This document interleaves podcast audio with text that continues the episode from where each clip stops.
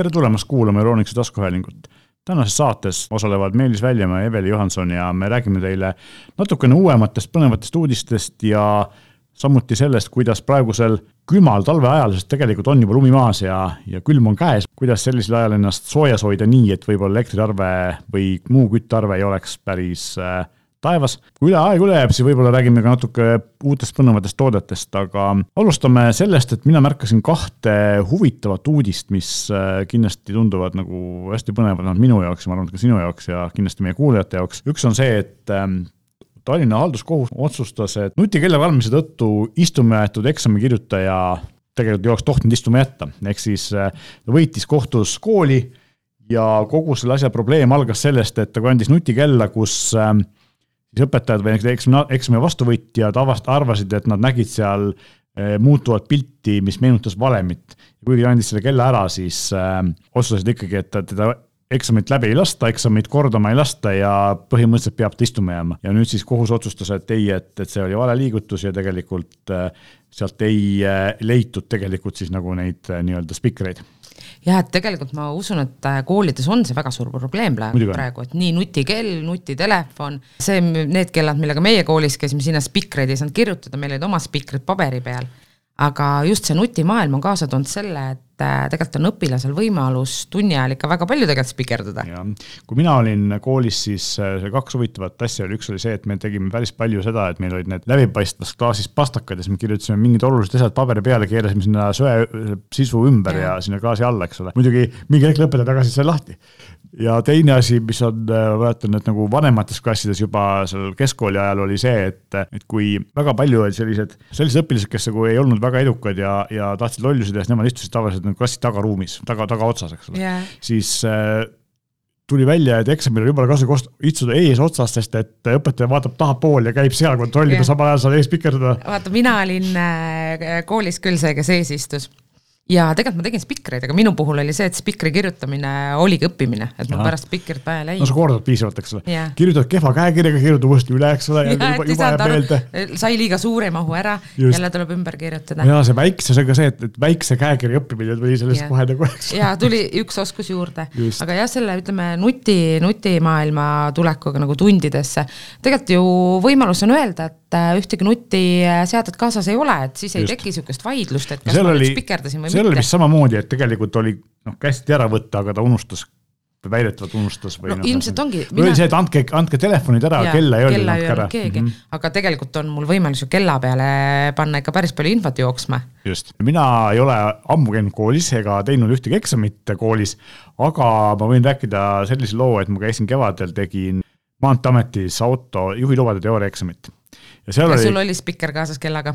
Ei olnud, aga seda kontrollitakse päris aktiivselt ja see oligi esimene asi, mis öeldi enne, kui me läksime eksamiruumi sisse, öeldi, et äh, kellad taskusse ja telefonid ka kuskil ära ja kindlasti telefonid hääletuks. kas inimesed kuulavad? ei, inimesed ei kuula. Läksime klassi sisse, istusime maha, öeldi palun pange oma telefonid hääletuks kuskile eemale, et laua peal ei tohi olla, kellad käe pealt ära okei okay., siis võeti inimestelt allkirjad, et nad on kohal, eks ole, kontrolliti dokumenti, räägiti sama juttu veel korra ja siis, kui olid juba läbi äh, maha istunud, siis öeldi nii, et kohe alustame. tuletan teile veel korra meelde, et telefonid hääletuks, telefonid äh, laua pealt ära ja kellad taskusse ja siis tõusis kogu see mass peale minu püsti ja hakkas oma kella see telefon ära panema, ehk siis kolm korda pidi ütlema seda. aga siit tulebki see, et lubasid läheb ju tegema tegelikult täisealine inimene Just ja siis nagu loota, et lastel on kõik need asjad meeles, noh, võib-olla ongi palju, et võib-olla õpetaja peaks rohkem meelde tuletama, et äh, mina tean, et meie koolis, mul laps käib küll algklassides veel, aga ei olegi telefoni, äh, ei tohi võtta kotist välja, kas peab olema garderoobis äh, kapis või peab olema kotis ja hääletu peal. tegelikult mõistlik, sest vähe sellest, eks ole, et sa võid seal spikerdada või mida iganes teha, aga tegelikult su tähelepanu hajub, eriti kui sa seal tuleb sõnumeid terve hunnik. ja, ja need, need on ju vaja kohe ära lugeda, eks ju. absoluutselt ma isegi ja. tean omast käest kohe ära lugeda, et. ja kui ma juba selle telefoni kätte võtan, noh, mis siis tunni ajal natuke Tiktoki vaadata ei, ei ole ka ju paha, eks ju. palju põnevam on ju. jah, ilmselgelt põnevam kui mingi matemaatika. mina tegelikult toetan seda loogikat, et tunnis ei tohiks telefoni olla. ja eksamil sama. just, no eksamil eriti, eksamil eriti, eks ole. aga seal oli ka, ma saan aru, aga noh, põhimõtteliselt on ikkagi see, et äh, mulle tundub, et see ühtepidi on see nagu hea pretsedent eh, selles mõttes, et mingi selgus on paigas. teistpidi on see, et noh, võib-olla ilmselt oligi see koolipoolne selline ülereageerimine, eks ole, ja kuna tegelikult seal ei olnud spikrit ja kolmandaks, noh, okei okay,, ta võib-olla jah, rikkus seda e reeglit, aga ei tulnud selle peale, eks ole, ta teinud seda meelega. ja, ja tegelikult mõnes mõttes on nagu see huvitav sihuke tehnikat puudutav uudis, eks ole, et, et noh, et kuidas siis me arenevas maailmas, kus meil neid vidinaid palju me tuleb. me peamegi hakkama reguleerima selle kasutust ja kui meil tulevad virtuaalreaalsuse prillid või need nii-öelda liitreaalsuse prillid, kus meil on nagu tavalised prillid ja muud asjad, mis näitavad sulle ekraani peal mingit asja. lihtsam teha või siis vastupidi, et, et kuidas sa teed, ütleme, et sul on siuksed prillid, mis nagu sul on vaja ka nägemiseks ja samal ajal on nad näitavad sulle mingit infot, eks ole, sinna mingi lisa. Pole midagi, teed prillideta, teed pimesi. jah või pead, ma ei tea, kool peab varustama sind prillidega, mis ei ole midagi ei saa järjest, teha. järjest raskem on kontrollida, et kuskohast mina seda infot saan ja mis tegelikult eh, noh, üks asi on see, et, et võib-olla saab teha kuidagi niimoodi seda eksamit, et eh, teha neid küsimusi sellised, mis ei ole nagu spik-, spikerdatavad, kontrollida mingisugust võib-olla mitte nagu ma ei tea, et kas mitte sa mäletad mingeid numbreid, vaid, vaid mingit lahendusoskust just nimelt jah, et kuidas sa reageerid sellele, kuidas selles situatsioonis nagu välja tulles, minule meeldib ka see, et nüüd on tulles tagasi selle Maanteeameti eksami juurde, seal on ka ikkagi no kõik on ju hoopis teistmoodi, sest esiteks on see, et võrreldes varasema ajaga ei ole enam see, et sul on võimalik, et sul on kaks õiget vastust mm. -hmm. et see Natuke oli nagu kohutav, nad on elulisem, eks ole. teiseks on see, et küsimused on tehtud selliseks, nagu sul tegelikult võib liikluses või autoga sõites mm -hmm. ette juhtuda, eks ole, seal ei ole enam, et, et tegelikult päris elust. just, et päris elust ja, ja see teeb ka selle palju, ma ütleks, et ta teeb selle palju lihtsamaks või selles nagu, nagu normaalsemaks, tegelikult sama asi on ka sõidueksami puhul, eks ole mm, -hmm. aga et mulle see meeldis ja just see, et, et ma ma mõtlen, ma mõtlen vähem üle, eks, äkki on ikkagi veel siin teine vastus ka õige, on ju. et äkki ikka on. samas tihtipeale teooria ja praktika ei pruugi nagu väga hästi kokku Just. ka minna. mina tegin, ma tegin ikkagi selle, ma tegin selle noh, kolmkümmend minutit oli vist aega, kui ma, kui mälu mind ei peta, on nelikümmend küsimust. ma tegin selle ära viie minutiga ja siis ma järgmised kümme minutit kontrollisin, ega ma midagi valesti ei vastanud. seda kontrollimist ei tohi teha. ja siis ma hakkasin üle pikalt. mõtlema ja siis ma hakkasin üle, kas ma ikka midagi vastan ja siis ma lõpuks loobusin, ma ütlesin hea küll, et ma ei suuda, et kui ma veel rohkem üle mõtlen, siis ma hakkan lollusi tegema.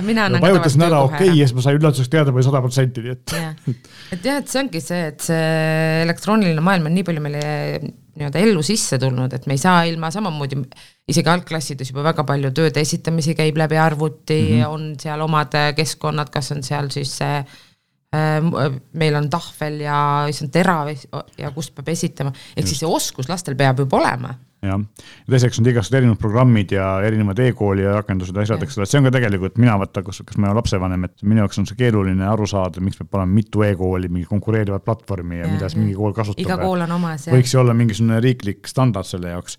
ja muidugi teine asi ongi, need e-kooli süsteemid ju tegelikult äh, on loonud ka selle, et igasugune petmine, valetamine ja spikerdamine ei ole enam jääb kohe vahele, sest ema saab teada Just. emal on kohe teada. et emal on kohe teada ja, ja siis pärast tunnis. Äh, kodus magustoitu ei saa, eks et see tuleb hästi kiiresti. või, või jõuluvana ei tule. ja meil oli natuke lihtsam selles osas koolis, et. meie ikka saime kaustikust tõmmata, märkuse välja tõmmata ja lehti kleepida ja muid asju teha, et viielised seda ei teinud, aga sellised natuke krutsit, krutskitega, eriti poisid kippusid seda ikka tegema, jah. ja tegelikult on olnud ka juhuseid, kus on kaks päevikut, üks on nende heade hinnete jaoks ja teine on kahtede ja märkuste jaoks, et siis seda ühte näeb ainult ema ja teist ainult õpetajad. jaa, et igasugu asju sai teha, tänapäeval enam nagu sellist, sellist pulli teha ei saa, nii et äh, tegelikult see näitab seda, et äh, võib-olla on hariduse tase tõusnud, sest et lihtsalt tuleb rohkem õppida e, või.... võimalik jaa, ja samas on ka natuke muutunud, mina just vaatan, mul on tüdruk äh, tegelikult alles neljandas klassis ja ma juba näen, et tegelikult see õpetamismeetod on väga palju muutunud. no sul ongi seda enam ei topita pähe, vaid lihtsalt üritatakse, et laps ise aru saaks, eks ole, just. samamoodi on äh, neljandas klassis on juba informaatika, ehk siis nad õpivad juba arvuti kasutamist, turvalist arvuti kasutamist. tegelikult ju vajalik praegu. see on väga vajalik ja selle ilmselt tõigi meile see Covidi aastad mm. -hmm et äh, ei piisa ainult sellest, et vanemad oskavad seda meili lugeda, vaid laps peab ise, iseseisvalt oskama neid asju kasutada. tänapäeval ongi vastupidi, lapsed õpetavad vanematele, eriti vanavanematele, eks ole. no eks endalgi vahest juhtub nii, et jah, laps õpetab, kuidas, kuidas, kust ja kuhu saab mida salvestada ja kuhu tõmmata. okei okay., aga selles mõttes jah, huvitav uudis, et, et lõpuks on ometi ka selline digitaalse maailma õigusjalul seotud, eks ole, selles maailmas natukene teist, natuke rohkem.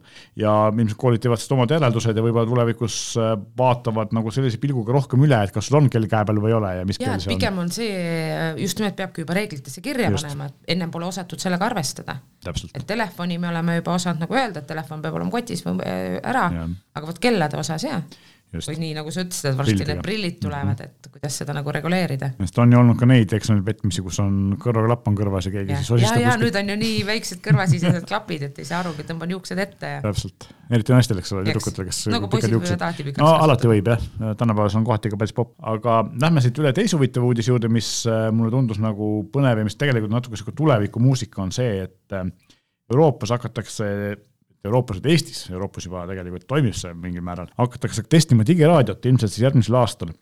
ja miks on see hea ja miks on see halb, seda me kohe räägime, et hea on see sellepärast, ma küsin, et sina sõidad autoga, sa kasutad raadiot palju ja. või sa kuulad Spotify'd midagi sellist? ma kuulan raadiot. kuulad raadiot ja kui sa ikka Tallinnast Tartu poole liigud, siis mingil hetkel tuleb sahid, eks ole. Tartu poole väga probleemi ei ole, aga Narva sõites kaob nagu vahepeal raadio täitsa ära. Mm, et noh, siin on äh, üks probleem, mida räägitakse, on see, et äh, raadiosagedus on täis, et meil on ju lisaks vaja arvestada ka siin Põhja-Eestis Soome sagedustega ja ida pool Vene sagedustega ja, ja, ja Lätiga jooksevad üksteise sisse ja Eestis on ka raadiojaamu päris palju üks äh, digiraadio eeliseks ongi see, et esiteks on see, et neid sahinaid ei teki ja kui sa sõidad äh, ühest riigi otsast teise, siis see sageduse üleandmine läheb sujuvalt, eks ole, tegelikult tänapäeval on ka natuke automatiseeritud see RDS-iga. aga no ikkagi on tunda tegelikult autoga sõites. just, aga see, see siis ei ole nagu seda ja, ja teiseks on see, et need, kui sul on kahe erineva sageduse peal erinevate masside pealt tulev signaal digitaalne, siis ta hoopis vastupidi, teeb signaali paremaks, ta võimendab üksteist mm, -hmm. praegu analoogi puhul ta segab, eks tegelikult sa sahinat rohkem. ja kaks, kaks need kanalit just, hakkavad segama. just, aga, aga siin no, tekib vastupidine efekt, et ta tegelikult teeb signaali paremaks ja teine asi on see, et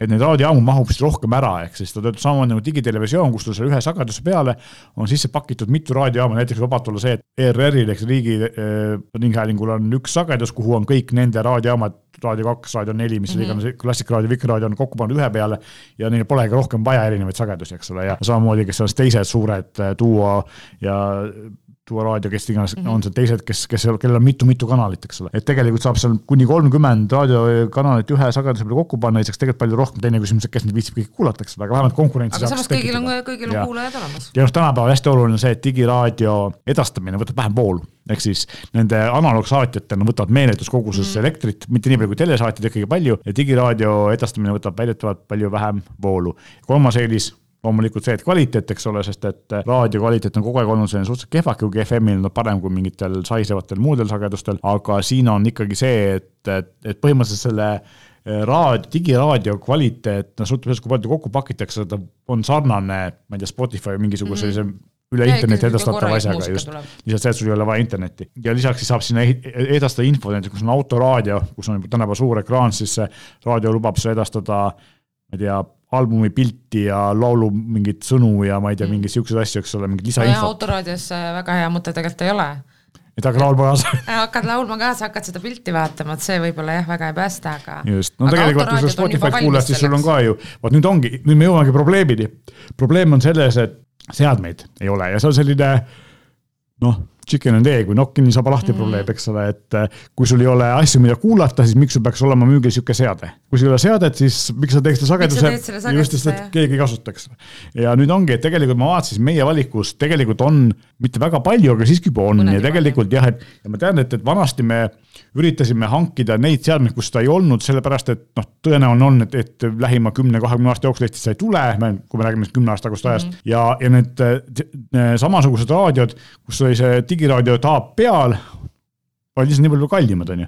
siis tänapäeval on see, et kui nad tulevad nagu ühe kiibi põhiselt, kus on kõik need saged asjad olemas, siis tegelikult see raadio hinda ei mõjuta, et kui sul see asi on ja sa seda ei kasuta, siis las ta olla, eks ole. okei, siis sa lihtsalt ei maksa niisama Just, sellest. sa ei maksa sellest niisama, sa, see on umbes samamoodi nagu, nagu kunagi oli see, kui 3D teleris, kui sul 3D-d vaja polnud, siis sõidas korraliku teleris, sa ikka said 3D kaasa või mm. tänapäeval on see, kui sa nutitelerit ei taha, vaata ainult sa igal juhul on sul nutikas, eks ole. et samamoodi on see, et sul lõpuks tuleb see digiraadio nagunii, kui sa ostad mingi raadioga asja ja praegu ma vaatan, et noh, et enamus inimesi ikkagi kasutab, kes kasutavad, eh, eriti mina tean, mul nagu vanemad sugulased, eks ole, kasutavad raadiot rohkem, eriti kodudes, eks ole, siis tegelikult need odavamad, siuksed lihtsamad antenniga, patareidega raadiod on ka juba päris paljud on selle digiraadio toega, just, aga nüüd ongi see probleem, et, et kui Norra, kes lülitas kaks tuhat seitseteist omal analoograadio üldse välja, esimesena Euroopas või, või äkki isegi esimesena maailmas, siis nemad ju sattusidki selle probleemi otsa, nad arvasid, et oh, et palju on teavitatud ja, ja sellist äh, nagu infot on levitatud, et küll kõigil on juba ostetud, eks ole, siis tuli välja, et tegelikult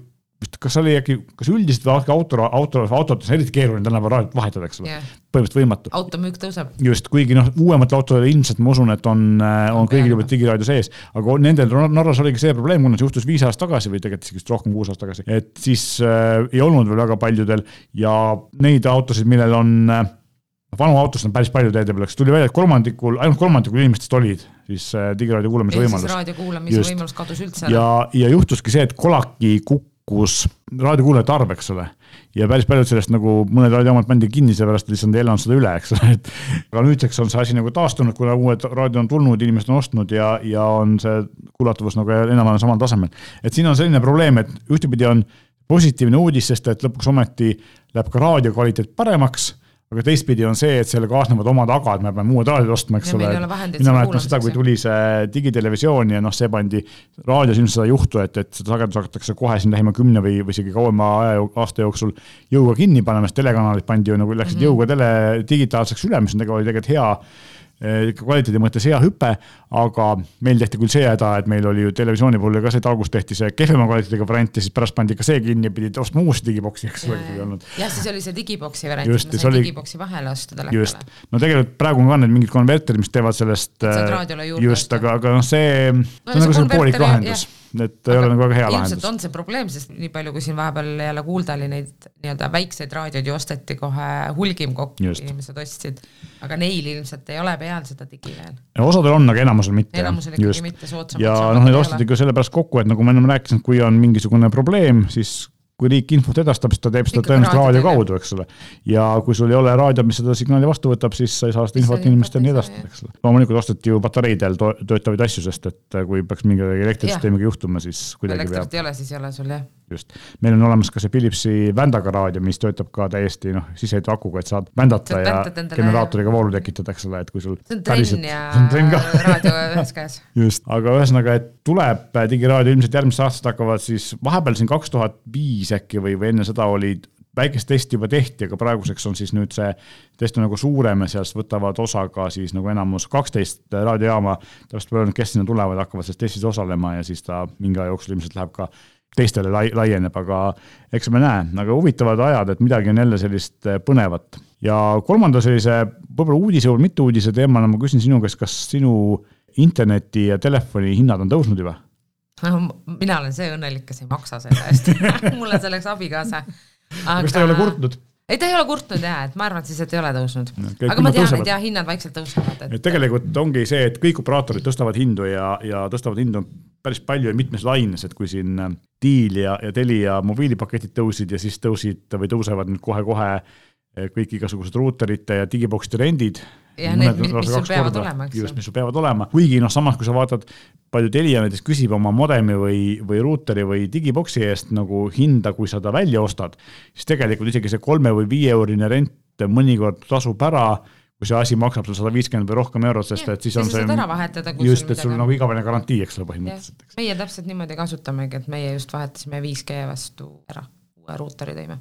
just, et, et selles mõttes on, on mõnes mõttes paratamatud hinnad tõusevad, aga tõusevad igal pool, eks ole, et, et see on jälle üks asi, mille peale sa pead mõtlema, mina hakkasin nagu kohe hoolega mõtlema, et kuidas ma saaksin äkki kulusid kokku hoida, mul on juba niigi igasuguste tasuliste kuumaksuliste tellimuste asjad tõmmatud täiesti miinimumini ja siis ma vaatasin, et ega mul ka telepakett on see kõige väiksem, mis olemas on, eks ole, et ega mul sealt väga palju kokkuhoidu ei ole, aga kohe hakkas mõte liikuma, eks jah, eks, ähm, eks me oleme jah, praegult äh, valikute ees. ja samas äh, teine asi, mida mina ei teadnud, on see, et mida ma täna lugesin, et äh, peale seda, kui siin Eestis pandi veebruaris-märtsis peale sõja algust pandi kinni Vene kanalid siis äh, operaatorid kaotasid meeletult kliente, sest vene inimesed, kes Vene kanaleid mm. vaadata, nad lihtsalt ei tahtnud enam maksta, et interneti eest maksavad vaatavad kuskilt sealt, aga teleteenustest mm -hmm. ei mhm. maksa, eks ole, et teleteenuste turg kukkus nagu kolinal sellepärast, et lihtsalt maksvaid kliente kadus ära sealt kõvasti tagant. no ja siis maksvad peavad ülejäänud osa ülejäänud siis maksma kinni selle, eks ole, jah, et just sest, et äh, tegelikult ju eriti välismaiste kanalite puhul on see, et see, kui palju operaator peab selle edastamise eest maksma, siis kanali omanikule sõltub sellest, kui palju tal kliente on, on ju, et see jaotatakse klientide arvu peale ära mm -hmm. ja see on ähm, ilmselgelt nagu kõva põnts ja, ja see, see on ka see asi, mis, mis hinda tõstab. aga minu jaoks on huvitav või kummaline on see, et ma vaatasin seda Telia välja toodud hinda, palju siis mingil paketil hind tõusis ja see oli nagu naljakas, kui sul on viie gigabaidine pakett, äkki oli isegi, ma ei tea, väiksem, maksab seal, ma ei tea, seitse üheksakümmend üheksa ja kahekümnene maksab üheksa üheksakümmend üheksa, sajane maksab üksteist üheksakümmend üheksa, siis esiteks on see, et kes seda kõige odavamat tahab yeah.. ja teiseks on see, et miks selline asi eksisteerib, kui see hinnavahe on nii pisike, eks ole, et petke see ära ja müüge kohe kallimalt seda kangemat paketti. ja muidugi teine asi, mis mulle ei meeldi, mis on eriti Elisa on selle koha pealt nagu selline äh, eriti aktiivne, nad üritavad tekitada nii-öelda lisaväärtust, ehk siis äh, nad üritavad müüa sulle igasuguseid asju juurde, et Elisal uutes paketis on kindlustused ja mm -hmm. tervisekindlustused ja muud asjad, mida ma tegelikult ei ole küsinud nende käest, eks ole, et mina tahan, andke mulle see, see interneti maht ja need kõned ja, ja kogu lugu, et ma küll, ma saan hakkama nende teiste teenustega kuskil mujal, eks ole. no eks ta on, et äh, väga paljud inimesed jälle ootavad äh, kõiki teenuseid ühest kohast jah, tegelikult kindlasti ütles, on neil klientuur olemas. tegelikult ütles mulle seda ka Telia esindaja siin üks, kui me saates rääkisime uuest digiboksist, et tegelikult nagu see, mida nemad näevad tulevikus, on see, et kui sa tahad selle võtta omale, ma ei tea, Netflixi või HBO-d või mingit muud sellist äh, nii-öelda lisakanaleid, siis tegelikult äh, nemad nagu näevadki seda, et nemad oleks see vahendaja, kelle siis selle boksi kaudu saab inimene ühe klõpsuga see tellida, tegelikult neil on see mõned asjad, HBO on mm -hmm. neil mhm. olemas seal ja Go3-l on äh, Paramount pluss, ehk siis ka nagu selliste nii-öelda sisuteenuste vahendajaks võiks mm olla, see sobib neile. ma ei tea, kas tervisekindlustuse teenuste vahendajaks sobib operaator, võib-olla see sobib. no ja ei tea ja, et kuidas nad nagu aga, aga jah, selles mõttes, et nemad nagu jah, see nii-öelda mugavusteenus, et see sul saad ühe klikiga kõik asjad ära teha, eks ole, sa ei pea nagu eraldi otsima. inimene on mugav, et meil on neid muresid rohkem kui küll, et mingite nii väikeste asjade pärast ei tahaks nagu eraldi, eraldi millegagi tegeleda. aga noh, fakt on see, et hinnad tõusevad ja nad ilmselt tõusevad ka siin äh, nii-öelda siis meedia ja, ja operaatorite või siis interneti ja, ja telekanalite maastikul veel. ega me sellest ei pääse. see on nagu kahjuks paratamatu aga nüüd me vaatame aknast välja ja näeme, seal on lumi. Seal on külm. Seal on külm ja, ja tegelikult ma täna hommikul tulin ja mõtlesin, et äh, alguses mõtlesin, et ma tulen autoga, ma tulen jala ja siis ma tulin ikkagi jala ja siis ma otsustasin, et või noh, bussiga tegelikult saab pool maad. Ja, ja siis ma jõudsin järeldusele, et hea küll, et ähm, noh, on, on ikka jahe ja kodus on õnneks praegu veel soe, aga kui me teame, kui suured on küttearved, siis äh, noh, näiteks mul maal äh, ema juures on, on ikkagi niimoodi, et seal on noh, puuküte ja puid kui meil gaasi ja elektrit valitsus kompenseerib, siis küttepuid ei kompenseerita, kui sa oled üksi elav pensionär, siis on ikka päris, päris karm. ei ole, et siis Just. on nagu natuke raske. nagu oma metsaga on see sul oma mets olla, kes seda teeb, kui sul ei ole. selles mõttes, see on ka jälle kulu et sellepärast ongi see, et jah, külm on, tegelikult mm. meil ei ole veel külm, meil on mõni kraad külma ainult seal õues, aga tundub nagu kuidagi eriti külm. kusjuures jah, täna tundus nagu, võib-olla harjunud külmaga vist või tegelikult on paar kraadi, aga nüüd ongi selle sügisega, tegelikult nad hakkasid juba vaikselt suve lõpus väga populaarseks muutuma, need soojatooted. ja seda just nimelt sellepärast, et tegelikult saab nendega natukene elektritki kokku hoida kuna sa soojendad äh, täpselt nii-öelda enda ümber olevat seda väikest äh, piirkonda, sa ei küta tervet tuba ja seepärast ongi hea, et need Beureri soojatooted saab elektrit kokku hoida ja samas ütleme, niisugune soe, niisugune mõnus, pehme, et soojus on ju meie niisugune esmane nagu vajadus, et päike on meie niisugune eluks vajalik, vajalik täht seal taevas, et ilma selleta me kuidagi ei saa, et soojus ju lõdvestab meid ennast äh, võtab natuke stressi ära, varustab, äh, nii-öelda verevarustust kiirendab, et see niisugune sooja mõju, seda isegi loomad ju istuvad päikse käes ja soojendavad oma selga, eks ju, et kui mhm. kassi vaadata päik-, päikse käes. ja soojatekid ongi, et ma isegi ausalt öeldes, ma täna juba käisin ja vaatasin, Rukas käisin läbi, vaatasin neid äh, tekke, esiteks nad on, äh, nad näevad välja väga ilusad, neid ongi siuksed, et sa saadki tuppa nagu jätta, sa ei pea ära peitma. et kui äh, nüüd mõelda seda, et tegelikult on tervislik magada külmas toas, jahedas ja. toas, aga külma voodisse minna ei ole eriti hea. et siis selleks on see sooja alustekk, sihuke pannakse lina alla ja enne magama minekut üks viisteist minutit lased sellele soojeneda, ehk siis ta teeb sulle voodi soojaks kui sa magama lähed, siis sa tegelikult lülitad välja, ta, ta ei küta sul seda voodit terve öö. ja kui sa juba oled ta viieteist minutiga soojaks ajanud, siis tegelikult sooja voodisse minnes su keha ise hoiab pärast sooja. just. minul on äh, pidevalt see probleem, et, et tundub, et magamistuba on külm, siis ma soojendan teda natuke, siis ta on soe ja siis mul öösel on kohutavalt palav, võtab teki maha ja siis, siis mingil hetkel, kui sa magama lähed, ärkad üles, siis ta on jahe, eks ole. et sellepärast ongi tegelikult ju soovitatakse magamiseks äh, kuusteist kuni kaheksateist kraadi toasoojust mm. -hmm aga mina võin julgelt öelda, minu toas on kindlasti kakskümmend neli kraadi, sest ma olen külmavares. kakskümmend kolm midagi sellist jah, kindlasti. aga just see ongi, tegelikult on see kakskümmend neli on niisugune elutoa temperatuur ja magamistuba peaks olema jahedam, aga nagu ütlesin, sinna külma voodisse ei ole nagu tore minna, et siis on see soojaalustekk näiteks väga hea võimalik. ja samamoodi on ka siis need soojapadjad või siis soojatekid. soojapadi on lihtsalt väiksem, on niisugune ja viiskümmend senti ja natuke peale et see soojapadja mõte on, ta on niisugune kohalik nii-öelda soojendus, kui sul kõht valutab, kui sul mingi lihas valutab, siis saab nii-öelda seda kasutada, aga need igasugu soojatekid, kas või toaski olles, et kui mul on elutuba jahe, siis ma võtan selle soojateki, nad on tavaliselt niisugused fliisised, hästi pehmed ja saangi endale nii-öelda ümber panna. ja lastega, miks mitte ka siis lapsed sinna nii-öelda kaisu võtta teleka juurde, et esiteks saab nagu koos aega veeta, teiseks on soe ja samamoodi ma ei pea siis seda tuba nii soojaks kütma, et äh, küttearved järjest suuremaks lähevad, siis võib-olla ei raatsigi väga seda kogu, kogu maja nagu kahekümne nelja kraadi peale kütta. see, see tegelikult see mõte ju Nende mõte ongi jah. ja.. et sa saad äh, soojendada seda osa, mis sul vaja on või, või sa soojendad seda väikest osa ümber enda. Ja samamoodi, et kui sa nüüd elutoast lähed hoopis äh, magamistuppa ära magama, kas elutuba peab nüüd seal olema nii soe?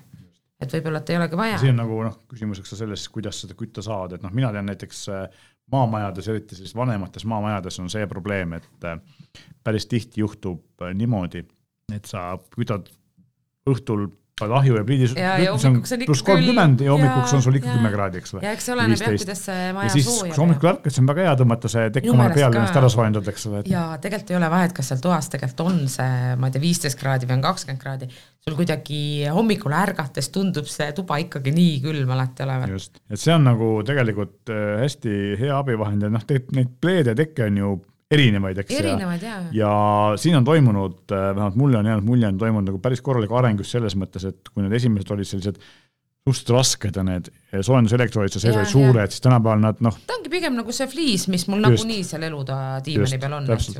hästi õhuke, hästi sihuke kohev ja mõnus, eks ole, ja. ja nad on hästi ohutuks tehtud, et on mm. need kuumakaitsed, väljalülitused, et ei ole niimoodi, et ma panen tööle ja siis ma lähen kodust ära ja sinna ta jääb, eks ta lülitab ennast välja, et ei ole seda ohtu, et ma midagi sellega põlema panen. samamoodi on nad, enamasti on masinpestavad, et võtan need puldid, asjad tagant ära ja tegelikult ma saan nad masinas ära pesta, et kui ma ikka iga päev seda tekki kasutan, siis ta ilmselgelt pesu vajavad, eriti kui majas on veel lapsed ja loomad ja et siis see nagu pesemine on võimalik just, see on nagu hästi oluline, teine asi, mis, mida ma olen kogu aeg, ma olen aastaid vaadanud, omale ostnud, aga ei ole raatsinud, aga tegelikult, mis on nagu asi, mille peale ma olen aktiivselt mõelnud, on see jalasoojendaja. sest et kui sa kodukontoris teed nagu tööd ja, ja siis, kui sul on nagu jahe, eriti ma ei tea, hommikul just ärgates, eks ole, siis see põhiline koht, mis külmetavad, on jalad. varbad hakkavad just, ja siis jah. tahaks ja mul mõnikord külmetavad sõrmed ka mul, aga. Neid meil ei ole jah, no, kindlaid meil ei ole jah. no kindlasti, ega sa ei saa ka arvutiga teha, eks ole, kui sa kindlad käes. aga jalasoojendaja on tegelikult tõesti nagu äge asi, et, et sa pistad oma jalad sinna sisse, sest hoiab su jalad nagu mõnusalt soojas. ainuke asi, et ähm, kui sa püsti tõused, pead arvestama, et sa kõhul ei käiks. kõhul ei käiks, sest et nad on noh ja see jalasoojendaja ongi kõigile neile, kellel ongi, osadel inimestel ongi kohe, ongi jalad on alati jahedad. Ja, ja samamoodi jalad äh, sooja on vanematel inimestel. Mm.. mina mäletan, minu vanaemal alati oli kohe ikka mitu paari neid sokke aga tollel ajal veel jalasoojendajaid ei olnud, et ilmselt tema oleks nagu väga õnnelik. noh, osades korterites on, eks ole, põrandaküte, kui sul ongi põrand külm, kui sul on niisugune materjal, mis ongi mm -hmm. külm, eks ole, sa võid soojendada, ümberringi tuba on sooja, aga põrand on ikka külm. jah, kui on radikad seina peal, siis ju põrand soojaks ei lähe, siis see on radikas. või noh, näiteks maamajades, eks ole, kus ongi see, et äh, see muldpõrand on all jah, või ongi kelder all, õhkubki äh, külma, eks ole, nagu niikuinii ja kui on kate on meil eriti õhuke ka, kus ei ole mingisuguseid selliseid mitmeid, mitmeid kihte. ja siin täpselt ongi see, et selle asemel, et äh, kütta siis see tuba nüüd kolmekümne kraadini, et millal ükskord nagu jalgadel ka soe hakkaks, siis on mõistlik võtta see jalasoojendaja, sinna mahuvad, põhimõtteliselt panengi kaks jalga sisse ja ta ongi niisugune pisike. ja kusjuures ta on üpris suure jalani, kuni neljakümne seitsmeni mahub see jalg sinna sisse. mina vaatasin, üks asi, mis mul silma jäi, mida ma varem pole märganud, on see akupangaga soojendussall. jah, see on nii armas et noh, tegelikult seda saab ju kanda, panna, ma ei tea, toeta vastu selga omale või kuhu iganes, eks ole, sa ei pea seda tingimata sallina kasutama. samamoodi nii-öelda kätemuffina, et äh, saan käed sisse pista. ja noh, see on nüüd selline, et tal on siis nagu kaasas akupank, sa võid ta ühendada ka muidugi USB nii-öelda adapteri külge ja hoida vooluvõrgus, aga ka see laadijasüsteem on nagu selles mõttes mugav, et, et sa ei pea olema juhtme küljes kinni, eks ole. lisaks võtab väga vähe voolu. ja mina, ja sealt sa saad pärast oma telefoni laadida sellest pangast. ja mina eelmine aasta kinkisin vennale selle salli just selle mõttega, ta käib äh, jää peal kalal ah.. et seal on tõesti see, et esiteks on kael soojas ja kui tõesti käed külmetavad, sa saad käed ka sinna sisse pista ja on soojad. kes ja palju õues käivad, neil on see niisugune mõnus väga, väga iseenesest huvitav lahendus. ta näeb väga hea välja. tegelikult nagu tundub, et see tulevik ongi selline, et kuna need soojenduselemendid on tehtud niivõrd efektiivseks, siis äh, enamus asju hakkavad käima kas siis lihtsalt USB-st või siis ja, äh, laadijaga just, et, et ja. nagu ei ole enam vaja olla soojendada ennast niimoodi, et sa oled vooluvõrgu küljes kinni. ütleme, et tegelikult on olemas ka juba joped, millel on need soojapangad kaasas. Äh, see on nagu üks selline tehnika arengu muster näidis minu arust, sest mina tean, et sellised joped olid olemas ka aastat kakskümmend tagasi mm. ja neid kasutati Põhja-Jäämeres naftapuurtornide töötajatel soojendasid keha, kus oli väga külm ja eriti kui see vette pidi kukkuma, kus oli nagu jää, eks ole, siis et sind elus hoida seni, kuni sind päästetakse, olid need so elektrisoojendusega joped. siis nüüd on nad jõudnud nagu ka tavakasutusse, et enam nad ei maksa sada tuhat, eks ole. ja enam ei ole sada tuhat ja teiseks see aku, mis tal kaasas sellest soojendamiseks on, on tõesti niisugune telefoni suurune. et sul ei ole niisugust suurt akupanka selle jaoks vaja. ja nagu kohver seljas oled. jah, et ei ole jah, suur niisugune generaator kaasas. just, et minul on näiteks, noh, mida mina kasutan samamoodi, et kui me vaatame seda, kui palju see niisugune asi voolu võtab, enamus neist on alla saja vati ja minul on ähm, vannitoas on selline, ma kasutan seda rätikute kuivatamiseks mm, -hmm. on selline ja. ribidega, et kui, kui osades see ongi vist rätiku kuivateks. osades, osades vannitubades tegelikult hoiab ka siis nagu õhu kuivana, eks ta mm -hmm. suudab ka natukene seda nii-öelda eh, niiskust vannitoast ära võtta, eks ole, et eriti kui sul ei ole sundventilatsiooni, mul on, aga, aga vanas korteris ei olnud ja, ja sellised asjad on nagu väga, väga mõistlikud ja, ja tegelikult äh, no võtavad ka üsna vähe voolu võrreldes nagu mingisuguse radiaatori või sihukese asjaga, eks ole. sest et kui sul noh, võtad tavalise õliradiaatori, viskad sinna oma rätikud peale, siis noh, see õliradiaator on tuhat viissada, kaks tuhat vatti, et see teeb su varsti vaeseks, eks ole.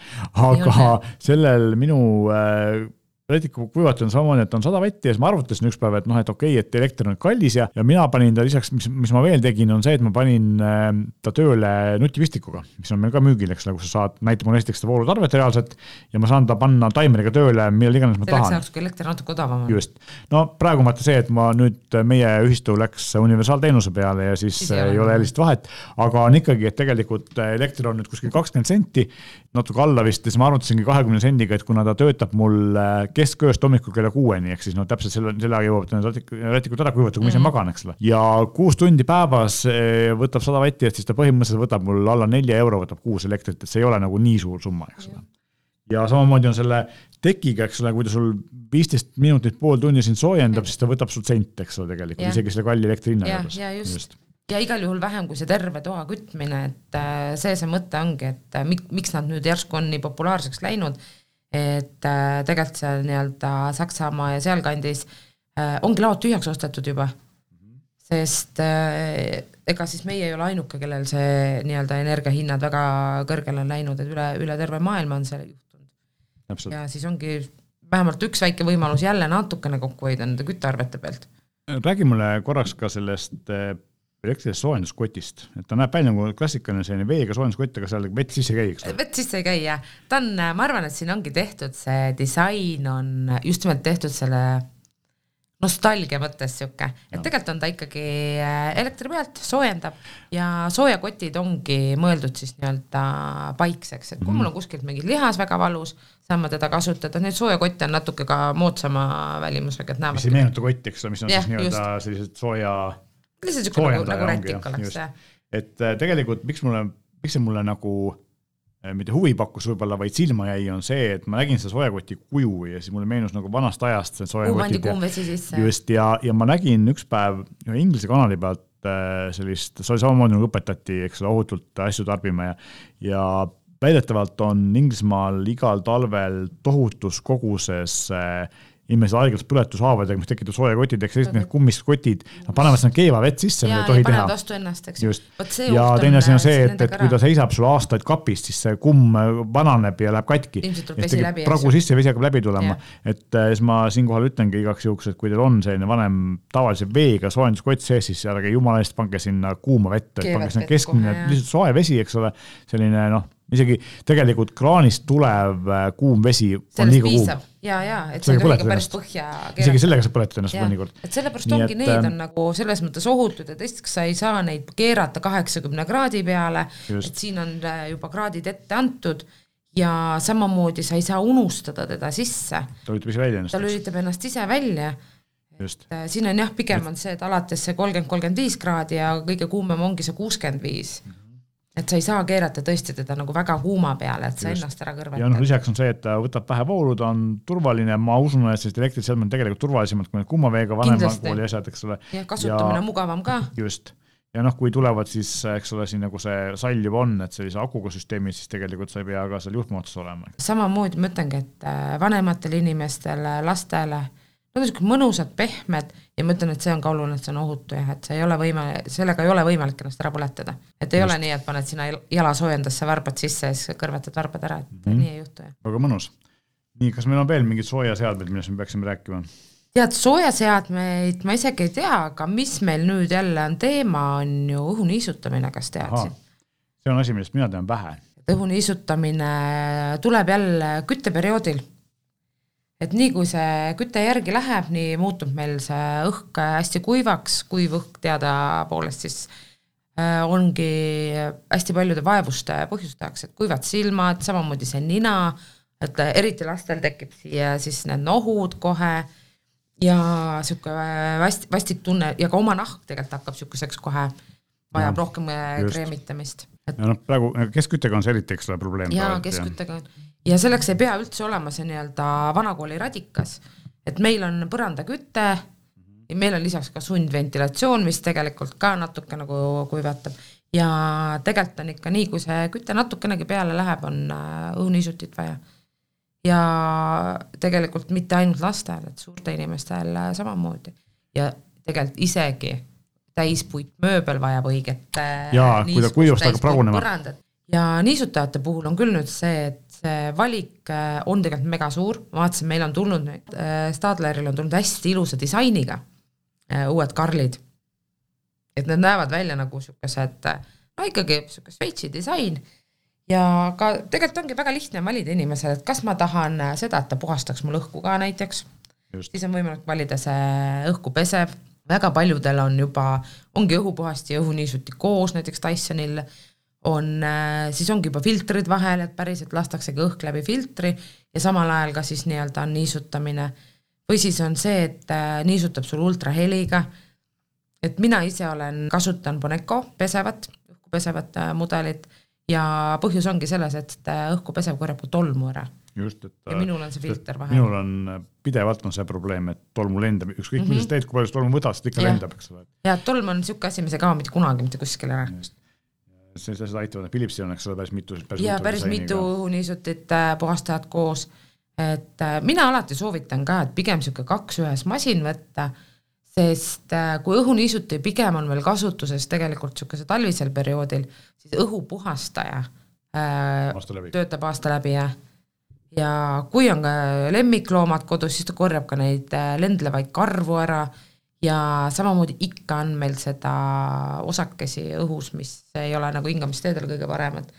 et võib-olla jah, kui ma elan kuskil täitsa metsa sees ja mul ei ole mingi puidu õits-, puude õitsemise vastu allergiat, et siis ei ole hullu aga linnas on küll see, et see õhupuhastaja on väga, väga, väga vajalik äh, abimees seal. noh, ja kui, kui on kaks ühes, siis saad niiskusega talvel. vanasti oli see, et neid oli nagu erinevate lahendustega, eks ole, need, kuidas tööpõhimõtted olid hästi ja. erinevad, et siiamaani on, eks üks on ultraheliga. üks on ultraheliga, teine on pigem juba sihuke õhku pesev nii-öelda jah, mis nii-öelda keerutab õhku äh, ringi ja siis läbi nende filtrite puhutakse. just et äh, ma tean, et kunagi oli mingite, kus oli, kus ei olnud puhas vesi või oli sihuke tavaline kraanivesi, siis tekitas siukest sudu, eks ole. see on ultraheli, see sudu tekib siis, kui ultrahelimasinal tahab filter vahetamist. Siis on see, et kehva, kehv hooldus jälle, eks ole, vaesed inimesed, nagu me kõik ja. oleme. jah, kes sa ikka nii väga hooldada tahaks. et selles osas, hoolduse osas on ka see õhku pesev on natuke lihtsam. et äh, seal tulebki seda filtrit nii-öelda pesta või siis neid labasid pesta et aga ultraheli puhul jah, on vaja seda filtrit vahetada. vaatasin, noh, see on need äh, samad, millest sa rääkisid, Stadelformi Karlid on, eks ole, täiesti uued tooted, mis näevad nagu kanga kaetud ja ma esimese hooga vaatasin, see on mingi Sonosa kõlar või selline. ja selline, natuke näeb selle moodi välja selle moodi näeb välja, et ma ei, ei osaks ka arvata, et tegemist on õhuniisutiga. aga ta et, näeb väga hea välja, annab tunda, et see on jah, Šveitsi. just, et ta ei ole selline oma. must või valge kast, eks ole. jah, ta ei ole, äh, ta ei ole plastikune. just väga ilus. ta näeb, näeb ikkagi välja noh, ma ütleks nagu pigem nagu mööblieseme moodi. ja, ja kui seda suuremat vaadata, siis seal on äh, veeanum on üksteist liitrit, minu omal on neli pool liitrit ja mul juba jagub, ehk siis hästi-hästi suure veepaagiga ja jätkub nagu kauemaks ja noh, ma vaatan see nelja poole liitrise, nelja koma seitsme liitrise paagiga Karl on äh, kuni sajale ruutmeetrile sobib, eks ole. suurema saja viiekümnele. et äh, siin lihtsalt ongi, siin on disain, eks see disain natuke mõjutab ka seda hinda, aga üldiselt jah, tulebki vaadata tegelikult selle järgi, mitu ruutu ära katab. Ei jääks liiga väheks ja samamoodi vastupidi, et kui sul et, nii võimsat vaja pole, siis pigem võiks ta isegi võimas olla, et siis sa võib-olla ei pea kogu aeg seda masinat täisvõimsusele tööle panema. seda küll ja noh, teiseks see, et siis veepaagist jätkub kauemaks, aga samas tasub ka meeles pidada, et seisev vesi läheb nii-öelda elama mm. -hmm. väga kauaks seda vett sinna seisma ei tasu jätta, et tuleb ikka ära puhastada, et ilmselt kui see vesi juba elab seal, siis ma seda väga oma tuppa enam niimoodi lendlema ei tahaks. Et selles osas tasub äh, ja väga palju kasutatakse neid äh, hõbepulkasid. et see siis ja. päästab ka, et äh, see vesi ei läheks elama see ei ole kõige mõnusam jah, mõtled küll, et vesi on niisugune noh, ta on vesi, aga tegelikult ta läheb niisuguseks koledaks ära. jah, et noh, vesi, veel ongi see, et sa vaatad, milles see probleem on, on see, et seal on hästi palju igasuguseid ühendeid, ühendeid sees, eks ole, baktereid ja asju. toast võib-olla tuleb natuke juurde. just, see, see tekitabki tasub seda jälgida jah, et ei lase seda elavat vett nii-öelda endale ei hakka pihustama. okei okay,, aga millest me räägime, tegelikult sa tõid välja, et Tefalil on üks uh, uus robot, kui me juba tolmust rääkisime, see sobis nüüd tolmu juurde väga hästi. ja robot aitab ja issand, mina, mina ei kujuta ette, kuidas inimesed enne robotid elasid et aga nüüd on jah, Tefal on uuendanud tegelikult oma mudeleid ja nüüd on tal mudel, millel on siis tolmukonteiner nii-öelda, et ta käib iseennast tühjendamas. et muidu siis see seitsekümmend viis on saanud lihtsalt S plussi taha ja on saanud äh, nii-öelda siis äh, selle jaama, kus ta käib ennast tühjendamas äh,. üldiselt äh, täpselt samasugune väga hea robot, nagu ta enne oli, lidariga ehk siis laseriga mõõdab tuba äh,, äpiga saab väga täpselt äh, seadistada, mida, mida ma tahan, et ta teeks et ma olen ühte sellist äh, mitte siis ilma selle tolmuga tavalist vanemat versiooni ja, proovinud, et see, see on, äh, uus, on äh, tõesti nagu väga korralik, et ta laseb joonistada sul täpselt kaardi ette ja määrata ruumid ja teha mõnus, saadki täpselt tõesti joonistada sõna otseses mõttes sinna kaardi peale ja ära keelata ja lubada ja ja seadistada seda, et kas ta tohib siin toas puhastada ja pesta või, või ta võib ainult siin pesta ja nii edasi. et selles mõttes on hästi mugav ja see moppimine samamoodi, et veekogus saab nüüd muuta see on nagu väga-väga mugav. vett sa pead ikkagi, eks ole, käsitsi sinna ja vett panema. tuleb sul ikkagi ise panna jah, et äh, tal seda ei ole, et ta, äh, tema see nii-öelda station, jaam, jaam., jaam on äh, ikkagi tolmu puhastamiseks. aga kaua siis põhimõtteliselt jaam on selline, et sinna käib sisse selline klassikalise tolmuimeja moodi tolmukott, eks ole, jah, ja kaua sellega saab? No nad ise ütlevad, kuuekümneks päevaks jagub. oo, päris hästi. eks see hästi tihti sobib, eh, oleneb ka sellest, palju mul seda tolmu üldse tuleb. et eh, kui mul on kolm karvast kassi ja suur kodu, siis siis ei saa kuuskümmend päeva. jah, ja samas, kui mul ei ole ühtegi eh, kodulooma ega lapsi ega kedagi ei ole ja ongi viiskümmend ruutu põrandat, siis ilmselgelt see täitub natuke kauem aega just, väga hea, aga sellised nõuanded seekord ja ma usun, et äh, meie jutust tuleb hästi palju kasu, sest et äh, Kindlasti. päris palju on selliseid asju, mida, mille peal tegelikult ei mõelda, eriti just see, et äh, talveperioodil õhuniisuti on nagu oluline teema ja samamoodi see, kuidas ennast soojas hoida, sest nii, et palju elektrit ei kuluks. et see on, on hästi tähtis, aga meie tõmbame siinkohal selle saate kokku ja ütlen äh, loomulikult seda, et kui te soovite teada anda, millest me võiksime rääkida või kui teil on mingeid küsimusi meile, siis palun kirjutage meile, meie meiliaadress on saade.euroniks.ee või alati võite jätta oma küsimused, ettepanekud ja kommentaarid meie sotsiaalmeedia postituste alla Facebookis või Instagramis ja me vaatame ka need üle ja teeme saadet vastavalt sellele, kuidas teie soovite. meie täname kuulamast! aitäh!